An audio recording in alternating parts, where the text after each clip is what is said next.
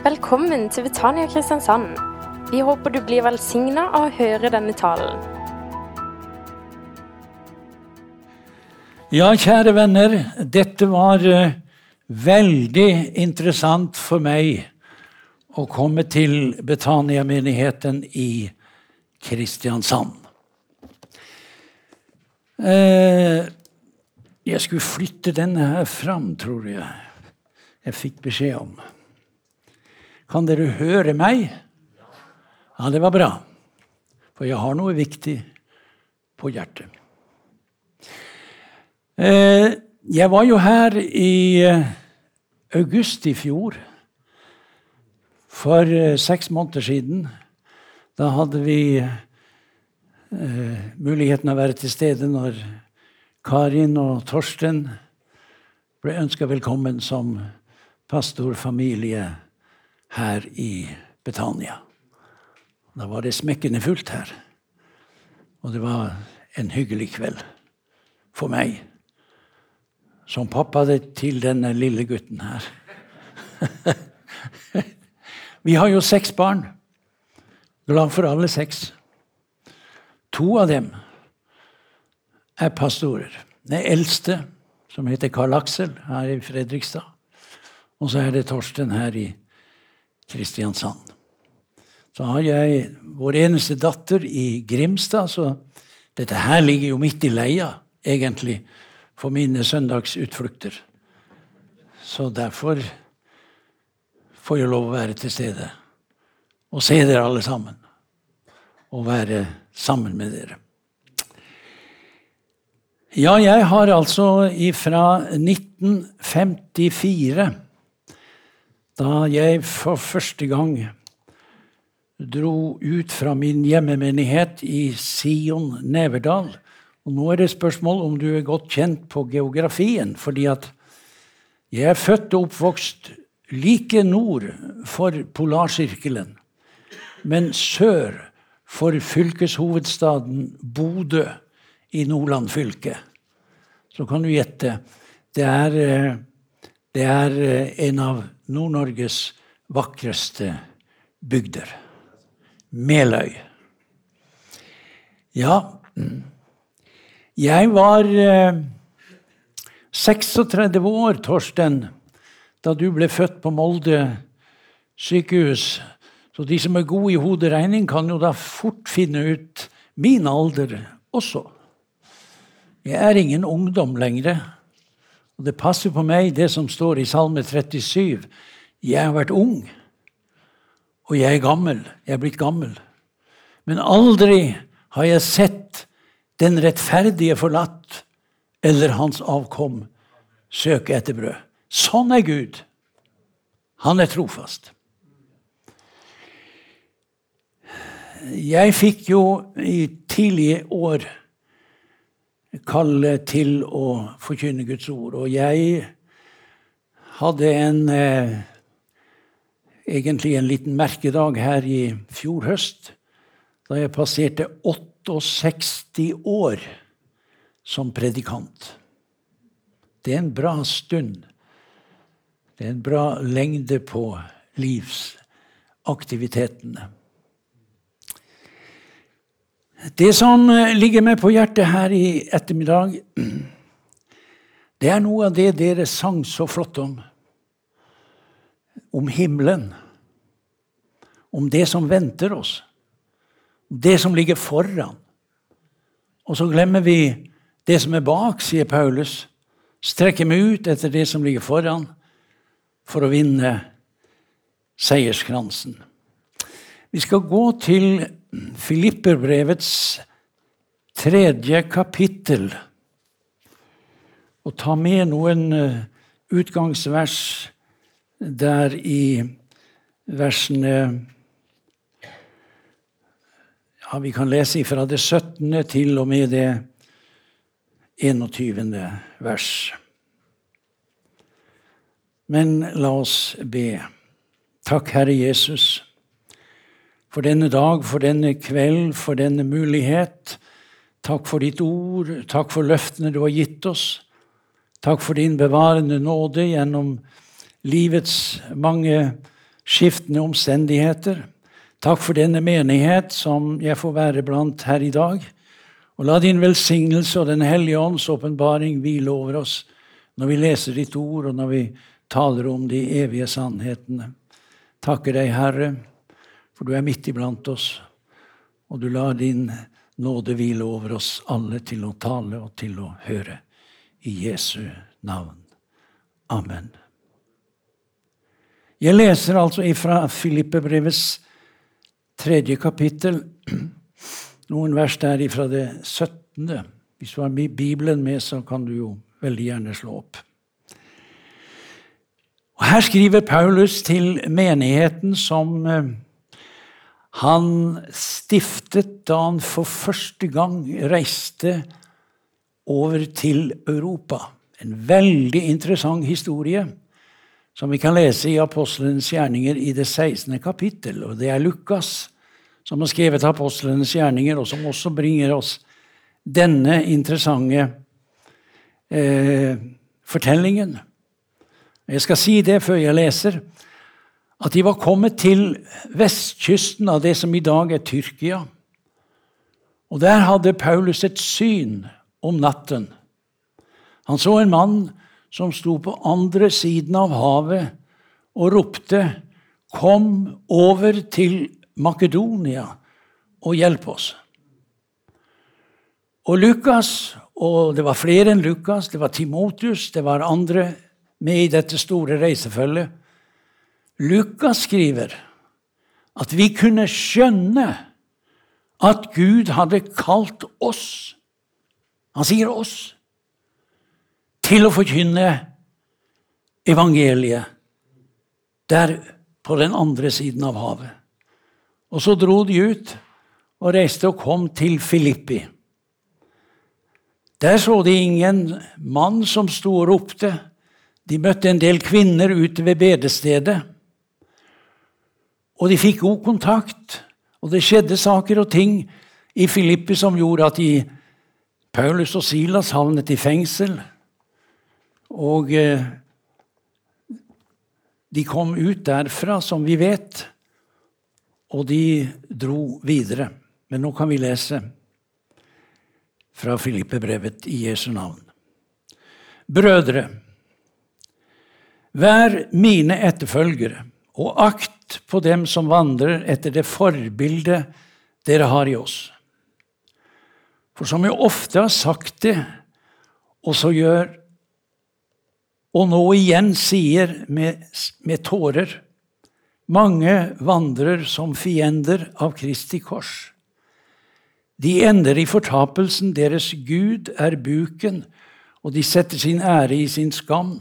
De trakter bare etter jordiske ting. Men vi har vårt hjemland i himmelen. Derfra venter vi også Herren Jesus Kristus som frelser. Han skal forvandle vårt fornedringslegeme og gjøre det likt med sitt herlighetslegeme ved den kraft han har til også å legge alle ting under seg. Vi ser at Paulus her på en måte deler Vi kan godt si verdens befolkning i to vesentlige grupper. Jeg syns det er vondt å lese at mange vandrer som fiender av Kristi kors. Og det er vel det vi ser i vår tid. Hvordan korset og korsets kraft og korsets evangelium blir vraket, satt til side for alle disse jordiske tingene som kommer på. Og det, det, er, det er en vond ting å både snakke om og konstatere. Og jeg syns det er verdt å tenke over når han i det 19. vers sier om disse Det er mennesker som oss andre. de ender i fortapelsen. Hvorfor gjør de det? Fordi de forakter Kristi kors. De kaster vrak på den frelse som Gud har tilveiebrakt ved Jesus Kristus. Og videre så er det nesten som vi ser inn i vår egen tid. De setter sin ære i sin skam. De trakter bare etter jordiske ting. Sånn er det for mange mennesker. Men jeg tror jo at vi som sitter her i kveld, vi har en annen livsoppfatning, en annen tanke om hvordan vårt liv skal være. Og jeg syns det er så flott når han sier 'men vi'. Vi har vårt hjemland i himmelen. Vi hører egentlig ikke til her. Vi er på vei. Vi er underveis mot det som er bedre. Vi har vårt hjemland i himmelen. Og så kommer dette som har vært i min tanke i forbindelse med dette møtet her i Betania i ettermiddag. Derfra, fra himmelen, venter vi også Herren Jesus Kristus som frelser. Ja, vi venter. Vi forbereder oss på det som snart skal skje. Og hva er det som skal skje? Jo, vi vet det. Men vi er fortsatt i ventemodus. Vi, vi har enda ikke sett hva som kommer til å skje, men vi vet det ut ifra Skriften eh, hva som venter oss. Han skal forvandle vårt fornedringslegeme. Tenk det. Og gjøre det likt med sitt herlighetslegeme ved den kraft han har, den kraft Jesus har, til også å legge alle ting under seg. Hva er det han snakker om her, Paulus? Hva er det han skriver om? Jo, han skriver om bortrykkelsen. Han skriver om forvandlingen som skal skje når han kommer. Halleluja! Det er dette vi venter på. Og jeg har blitt veldig øh, grepet av hvor ofte Skriften taler om disse, øh, denne, denne sannheten, og hvordan det kobles sammen med dette å vente vente på bortrykkelsen av den frelste menighet når Jesus kommer ned i lufthimmelen for å hente oss hjem til seg. Vi skal komme litt dypere inn på dette, men vi tilhører den gruppen som har tatt imot Jesus, og som har himmelen i vente. Vi lever i en veldig vanskelig og urolig tid. Og jeg eh, tenker at Er dette også et tidstegn? Er dette også et varsel for at vi enn mer skal være grepet av, opptatt av dette, og forberede oss og være forventende på vår Herre Jesu Kristi gjenkomst? Han kommer for å hente oss, for å for Han bruker et ord her som, som jeg selvfølgelig eh, tenker sånn at han skal ikke bare forandre, men han skal forvandle. Og det første Jesus gjorde da han gikk her blant sine medmennesker, da han gjorde sitt første under, hva var det? da han forvandlet vann til vin. Han forvandlet. Han forvandlet. Og det er det han har gjort i mitt liv og i ditt liv da du tok imot frelsen. Han forvandlet ditt liv. Og det er dette som skal fullføres. Han kommer for å forvandle oss. Han kommer til frelse. Ikke den åndelige forløsningen, den åndelige frelse, men hele menneskets frelse. Sluttfrelsen kaller vi det gjerne.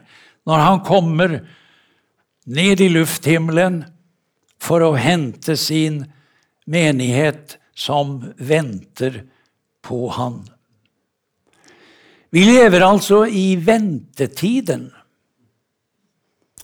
Det er verdt å legge seg på hjertet. Vi lever i ventetiden før den største endetidshendelsen inntreffer, når menighetens bortrykkelse finner sted. Og for omvendte kristne så er det å vente på Kristus noe nytt og noe stort. Slik Paulus sier det i sitt uh, første brev til menigheten i Tessalonika. For ifra Filippi så reiste jo Paulus og hans venner videre til Tessalonika. Der står det i Apostelens gjerninger i det 16. kapitlet om denne korte perioden han fikk i uh, denne byen, og hvordan det ble uro, og de måtte uh, flykte. Men i løpet av denne korte tiden så hadde Paulus forkynt dem frelsen. Han hadde forkynt dem omvendelse. Han hadde forkynt dem om Jesu gjenkomst. Jeg syns det er flott når han skriver Vi må ha det med her. Når han skriver i 1. Tessalonikerbrevs første kapittel og versene 9-10, så sier han de forteller selv om den inngang vi fikk hos dere. Og hør Dere omvendte dere til Gud fra avgudene for å tjene den levende og sanne Gud og vente på Hans Sønn fra himlene, Han som Gud oppvakte fra de døde, Jesus, Han som frir oss fra vreden som kommer. Dette er sentrale vers i vår tro på vår Herre Jesus Kristus. Omvendelsen hadde skjedd i disse tessalonikers liv. De omvendte seg. Legger du merke til hva han skriver her? Han sier ikke 'dere omvendte dere fra avgudene til Gud'. Det er ofte sånn vi framstiller det. Men Paulus sier noe egentlig det helt motsatte. Han sier dere omvendte dere til Gud. Og hvis man gjør det, så blir det andre så mye enklere. Å omvende seg til Gud betyr et farvel til alt som heter avguderi og et liv i synden. Dere omvendte dere for å tjene. Hvem? Jo, den levende og sanne Gud. Og for det tredje å vente på Hans Sønn fra himlene. Vente på Hans Sønn fra himlene, Han som Gud oppvakte fra de døde. Jesus, Han som frir oss fra vreden som kommer. Og her har du et av Bibelens og Det nye testamentets aller sterkeste ord om at en kristne menighet som lever i forventningen på vår Herre Jesu Kristi komme, de skal ikke gjennom trengselen. Fordi han frir oss fra vreden som kommer. Er du glad for det? Ja, jeg sier takk og lov. Vi er ikke bestemt til vrede. Nei, han skriver apostelen Johannes han skriver til menigheten på Jesu vegne, til menigheten i Filadelfia. Så sier han fordi dere har tatt vare på mitt ord og ikke fornektet mitt navn, så skal dere også utfries fra den trengsel, den prøvelsens tid, som kommer over hele jorden. Det er min hjertens oppriktige tro at vår Herre Jesus gjør som han har lovet. Han kommer ned og henter sin menighet og tar den hjem før natten bryter inn for fullt over vår verden. Tror du det? Tror du det? Ja, men da, da, da venter vi. Da forbereder vi oss. Da er det noe å se fram til. Halleluja! Det venter oss noe! Og vi venter på dette. Og det var det disse menighetene som Paulus fikk etablere og grunnlegge på sin første europareise i Filippi og i Tessalonika og også i Korint. De ventet på vår Herre Jesu Kristi komme. De omvendte seg. De ble Guds tjenere, og de fikk et ventende hjerte. Vi har vårt hjemland i himmelen. Derfra venter vi også Herren Jesus Kristus som frelser. Han skal forvandle vårt fornedringslegeme. Det er, er helt fantastisk. Han skal gjøre det likt med sitt herlighetslegeme. Den kroppen vi har, opplever vi kan godt si en metamorfose, en forvandling, en omskiftelse til det himmelske, så vi passer inn i himmelen.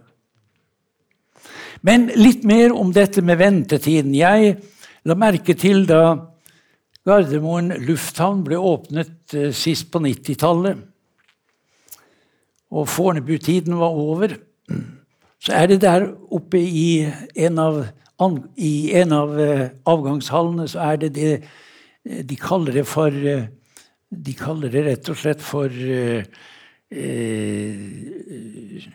Ja, altså, hva er det de kaller det for lyddusjen.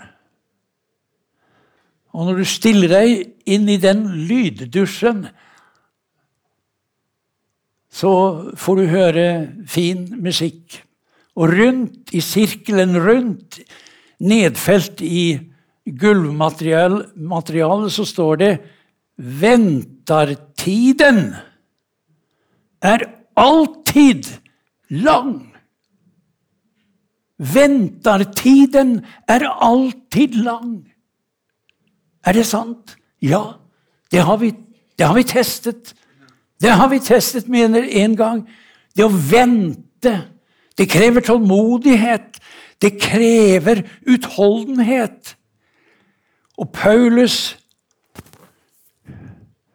han bruker dette uttrykket flere ganger, og flere av de nytestamentlige forfattere, bl.a. hebreerbrevsforfatter Det var det du sa, at det, eh, Torsten, at det visstnok er Barnabas som har skrevet det, det hebreerbrevet. Du stemmer på Barnabas. Jeg stemmer på Paulus. Men vi kan være venner for det. Nok om det. Altså eh, Han han sier det, Hebrebrevs forfatter, i vers 27-28 i kapittel 9. Du kan teste det hvis du ikke har Bibelen med deg, så test det når du kommer hjem. Like som det er menneskenes lodd en gang å dø, og deretter dom, så skal òg Kristus, etter å være ofret én gang, og det står et lite apostrof over én, det betyr tallordet én. Én gang. Være ofret én gang for å bortta manges synder. Annen gang bli åpenbart, ikke for syndens skyld, men til frelse for dem som Gjett hva det står, hvis du ikke vet det. Jeg vet det. Det står her i boka.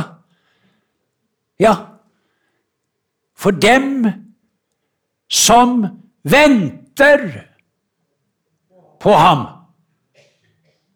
Ja, men eh, er det alt som trengs?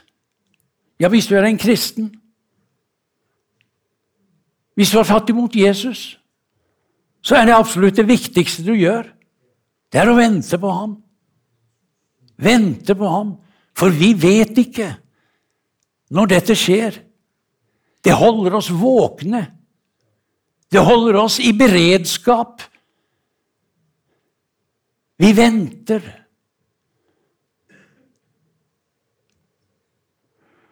Og det er fantastisk.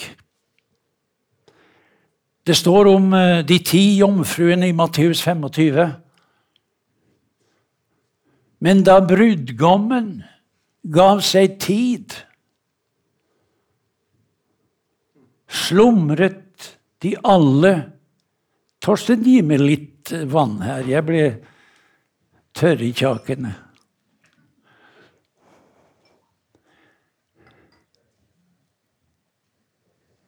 Slumret de alle inn og sov. Det er når vi sover, at vi trenger vekkelse.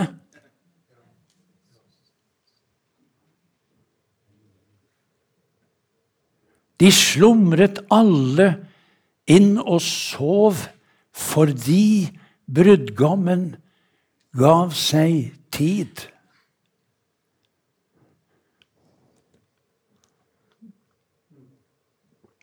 Vi må vente i en våken tilstand. Og så lød ropet, brudgommen kommer, gå ham i møte. Når Paulus skriver det andre brevet til menigheten i Tessalonika Du skal slippe å være eh, vandrende vannbærer her, Torsten så sier han her i 2. Tessalonikerbrev, kapittel 3, og vers 5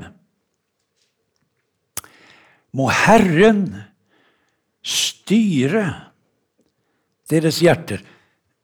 Nei, han sier ikke 'må Herren styrke'. Det sier han ikke. Han sier 'må Herren styre deres hjerter'. Og når du leser Bibelen, er det viktig å lese riktig det er viktig å lese riktig. Ja.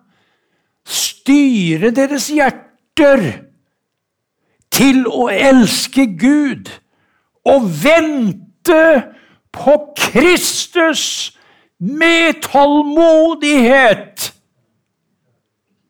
Fikk du det med deg? Altså, han gjør det slik at det blir en hovedsak for oss å være i et ventemodus. At det kan skje når som helst. Du kan ikke legge deg ned og sove når du venter på noe. Du må være våken. Det holder oss våken å vente. Forstår du? Det gjør at vi ikke så lett faller i slummer og søvn, men vi holder oss våken. Jeg tror det er en av de store hemmeligheter i denne sammenheng at det er om å gjøre for oss, uansett hvordan, hvordan tingenes tilstand er, hvordan situasjonen er personlig eller omkring oss eller ute i den store verden, at vi hele tiden venter på Han. Det var jo det den første menigheten gjorde. Ja. Vi skal snart lese litt mer fra Tessalonikerbrevet, og der sier Paulus at vi som lever og er tilbake når Herren kom De levde i en så tett erkjennelse av at Kristus kunne komme. At han sier det på den måten. For meg så var det kanskje mer naturlig å si at de Ikke vi, men de som lever. Men vet dere, jeg, en mann i mitt 87. år, går fremdeles og venter på brudgommen. Tro meg! Det er det som ligger høyest i min tanke. At han kommer. Han kommer, halleluja, for å hente sin menighet Forløsningens dag stunder til. Det er jo det, han, det, er jo det Lukas skriver om i det 21. kapittel i sitt evangelium. Jeg har ikke tid å gå inn på det, men du kjenner stoffet. Han snakker om Jerusalem som skal ligge nedtrådt av hedninger inntil hedningenes tider etter ende. Han snakker om den kommende trengselen når hav og brenninger bruser og folkene engstes i fortvilelse. Men så sier han når dette begynner å skje Han snakker jo inn i vår tid! Jerusalem er i dag i brennpunktet som aldri før. Vi ser bilder av trengselsveene, og de russiske politikere de snakker om de fire hester. Har du hørt på maken? I åpenbaringsbokens sjette kapittel. Vi er inne i ventetiden. Vi er inne i den tid hvor dette kan skje. Og det var slik for Paulus og sikkert de andre Herrens apostler. De hadde det som han. De ventet. Må Herren styre deres hjerter til å elske Gud og vente på Kristus med tålmodighet. Og Jakob, som var Herrens halvbror, er inne på det samme når han sier i kapittel 5, versene 7 og 8. Vær tålmodige, brødre. Og jeg legger selvfølgelig til søstre, for dette ordet brødre rommer jo både kvinner og menn. Vær da tålmodige brødre til Herren kommer. Ta det med ro. Vent. Han kommer. Se! Og så tar han et bilde fra landbruket. Se, bonden venter på jordens dyrebare grøde. Han venter tålmodig på den til den får høstregn og vårregn. Eller som det står tidligregn og senregn. Vær også dere tålmodige, og styrk hjertene, for Herrens komme er nær.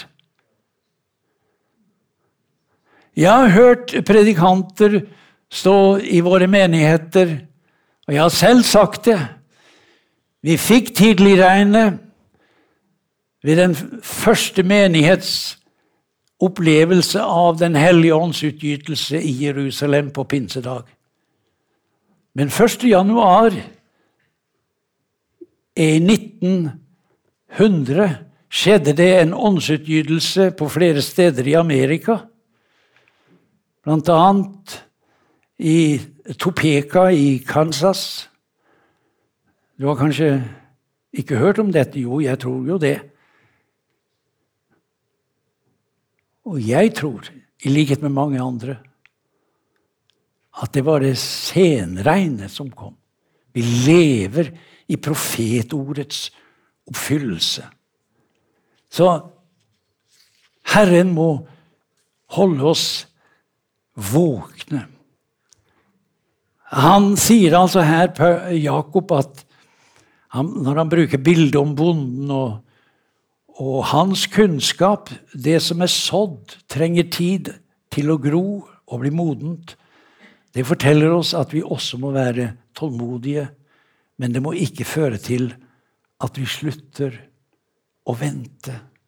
Vi må vente. Og flere ting skal skje sett ifra det apostoliske synsfelt. Men vi lever jo i en tid lenge etter dem, og vi venter. Og jeg skal ta dere med i de tre sentrale bibelversene som taler nettopp om menighetens bortrykkelse.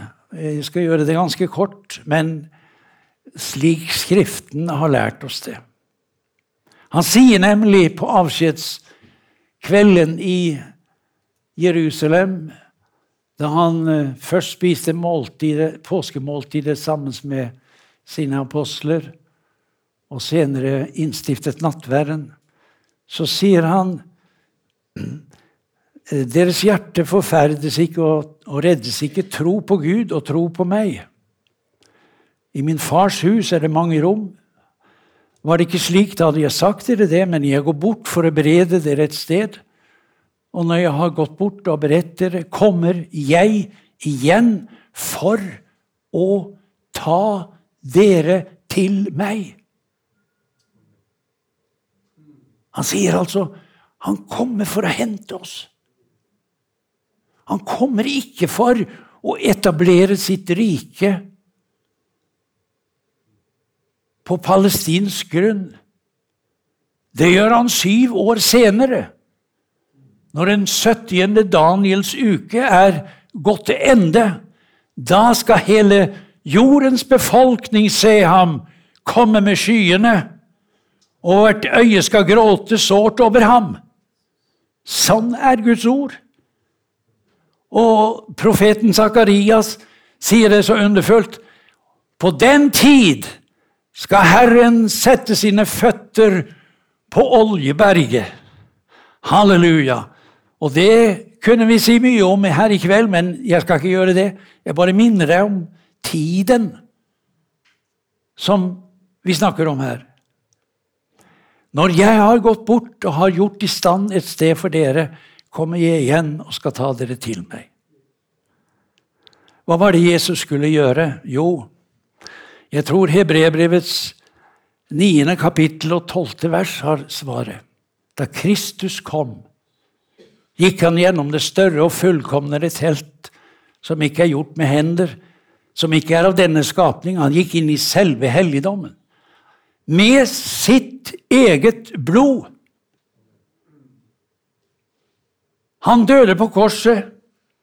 Han vant seieren over djevelen, men når han kom med sitt blod til det himmelske høyalteret hos Gud, da fant han en evig forløsning, står det. Hvilken forløsning? Jo, den som var forberedt av Gud før verdens grønnvoll var lagt. Men det krevde en løsepenge. Han brakte løsepengen, og han åpnet himmelen for oss. Han er den første av de døde som er stått opp ifra sin grav. Han gjorde fullkommen forløsning. Så vi har altså virkelig grunn til å vente på vår Herre Jesu Kristi jeg sier brudgommelig komme for å, for å skille det fra hans kongelige komme.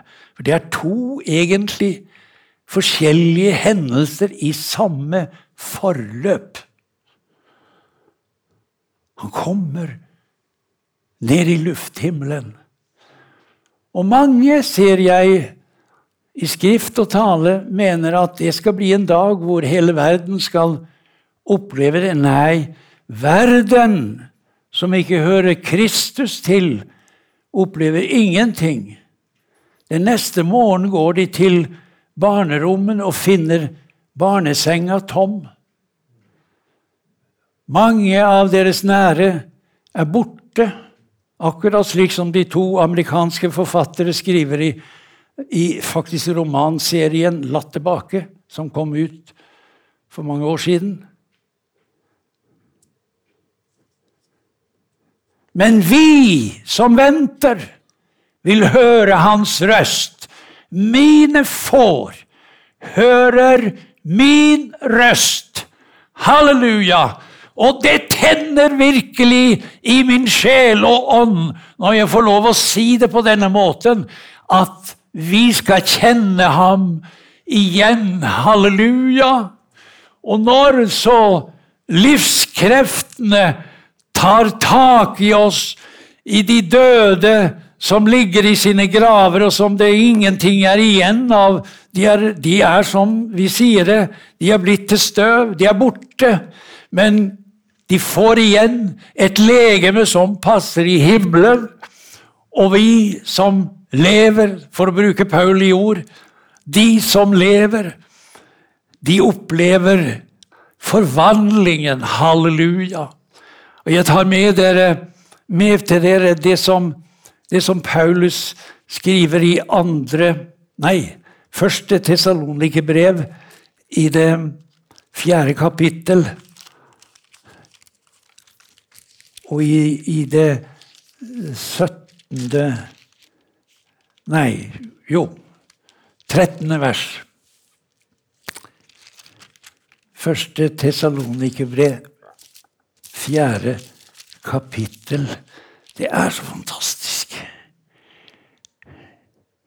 Vi vil ikke, brødre, at dere skal være uvitende om dem som er sovnet inn. For at dere ikke skal sørge som de andre, de som ikke har håp. For så sant vi tror at Jesus døde og oppsto Tror vi det? Selvfølgelig. Det er umulig å ikke tro det. Det er bevist. Han døde og sto opp så skal Gud ved Jesus også føre dem som er sovnet inn, sammen med ham. For dette sier vi dere med et ord av Herren, vi som lever Her kommer det. Og blir tilbake inntil Herren kommer, skal aldeles ikke komme i forveien for dem som er sovnet inn. For Herren selv Herren selv Ingen ambassadør, ingen sendemann, ingen betrodd erkeengel, men Herren selv. Halleluja! I sitt oppstandende legeme kommer ned i lufthimmelen. Herren selv skal komme ned fra himmelen, og nå vet du hvor himmelen er. Den er der oppe, for han kommer ned. Vi lærer en del når vi leser Skriften. Han skal komme ned fra himmelen med et bydende rop og med overengelens røst og med Guds basun. Og alt dette er lyder som verdens befolkning aldeles ikke hører et knyst av. De sover, eller de, om de er våken, så ingen merker det. Men jeg kommer til å merke det. Jeg kommer til å merke det. Du kommer til å merke det. Fordi vi hører hans røst. Han kaller meg ved navn. Halleluja! Han kaller meg ved navn, og de døde i Kristus skal først oppstå. Deretter skal vi som lever, som er blitt tilbake sammen med dem, rykkes opp i skyer, opp i luften, for å møte Herren. Og så skal vi for alltid være sammen med Herren. Altså, dette ordet 'deretter' det har ikke noe med tid å gjøre men det har med prioriteringsrekkefølge. De døde i Kristus skal først oppstå. Halleluja. Halleluja. Halleluja. Og så de som lever i forventningen på Herrens komme og forvandling. De opplever dette sammen med de oppstandende. Og sammen med dem rykkes Dette ordet er jo Jeg kan altså ikke gresk, men det ligger noe, noe eksplosivt i dette uttrykket, vil jeg si. Rykkes. Vi blir på en måte rykket opp med rot. Ja, ja. Det er omtrent som når du tar gulrota ut av åkeren, så, så er den løs. Rykkes. Det går så fort. Og det er om dette Jesus sier 'Jeg kommer snart'. Det har mindre det også med tid og med tidsaspektet å gjøre enn det har med selve handlingens effekt og hurtighet. Det skjer så fort. Som når lynet skinner fra øst til vest. Du kan ikke stå og si at 'nå kommer det til å lyne'. Nei, du må jo si som sant er. Nå lynte det. Det går så lynende fort. Så lynende fort!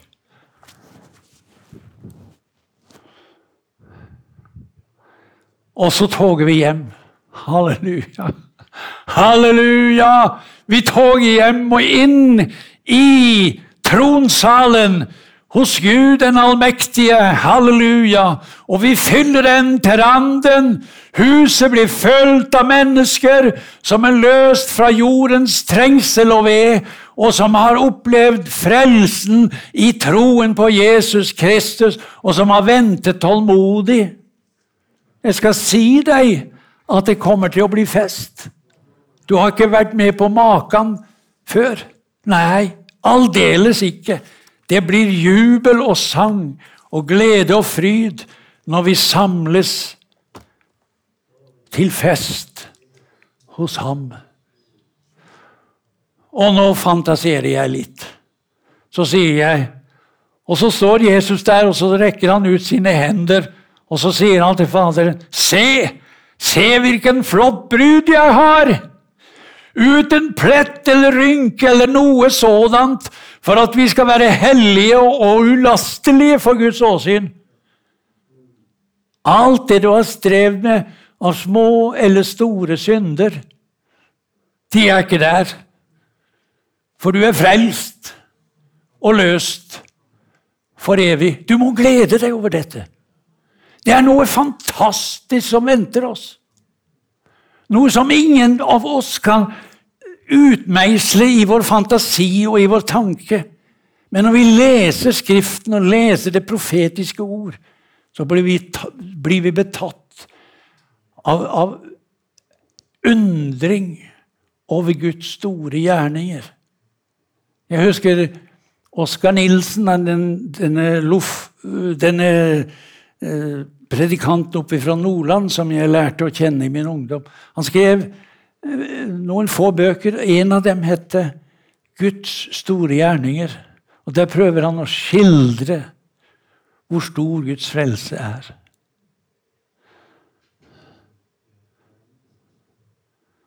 Venter du?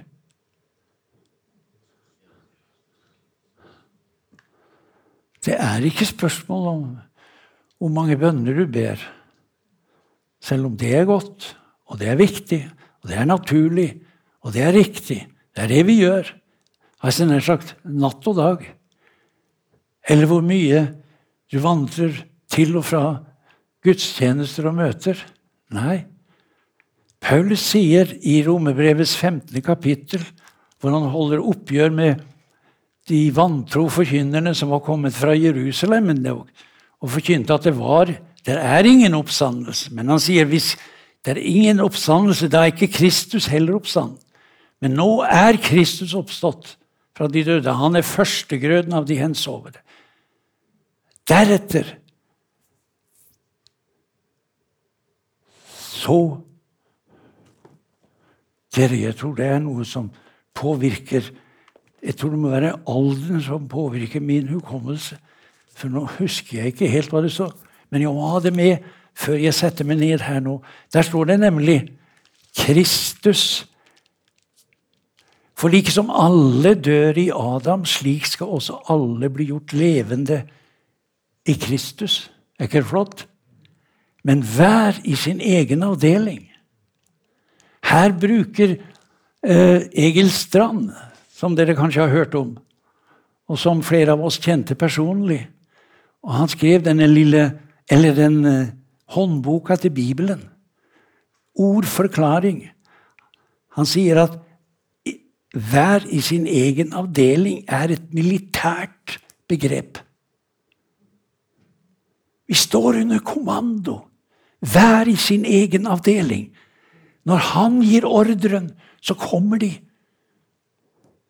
Deretter skal de som hører Kristus til, bli gjort levende ved hans komme.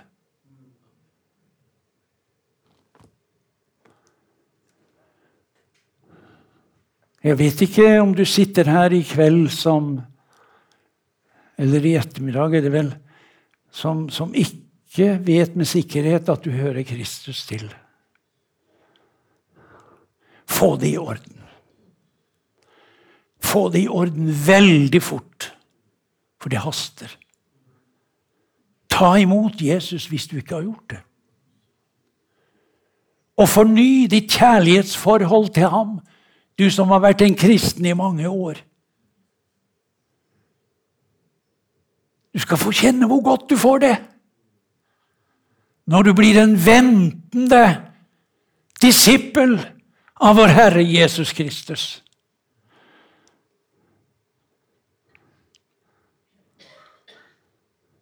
Ta imot det tilbudet han gir til deg. Gud velsigne oss alle sammen.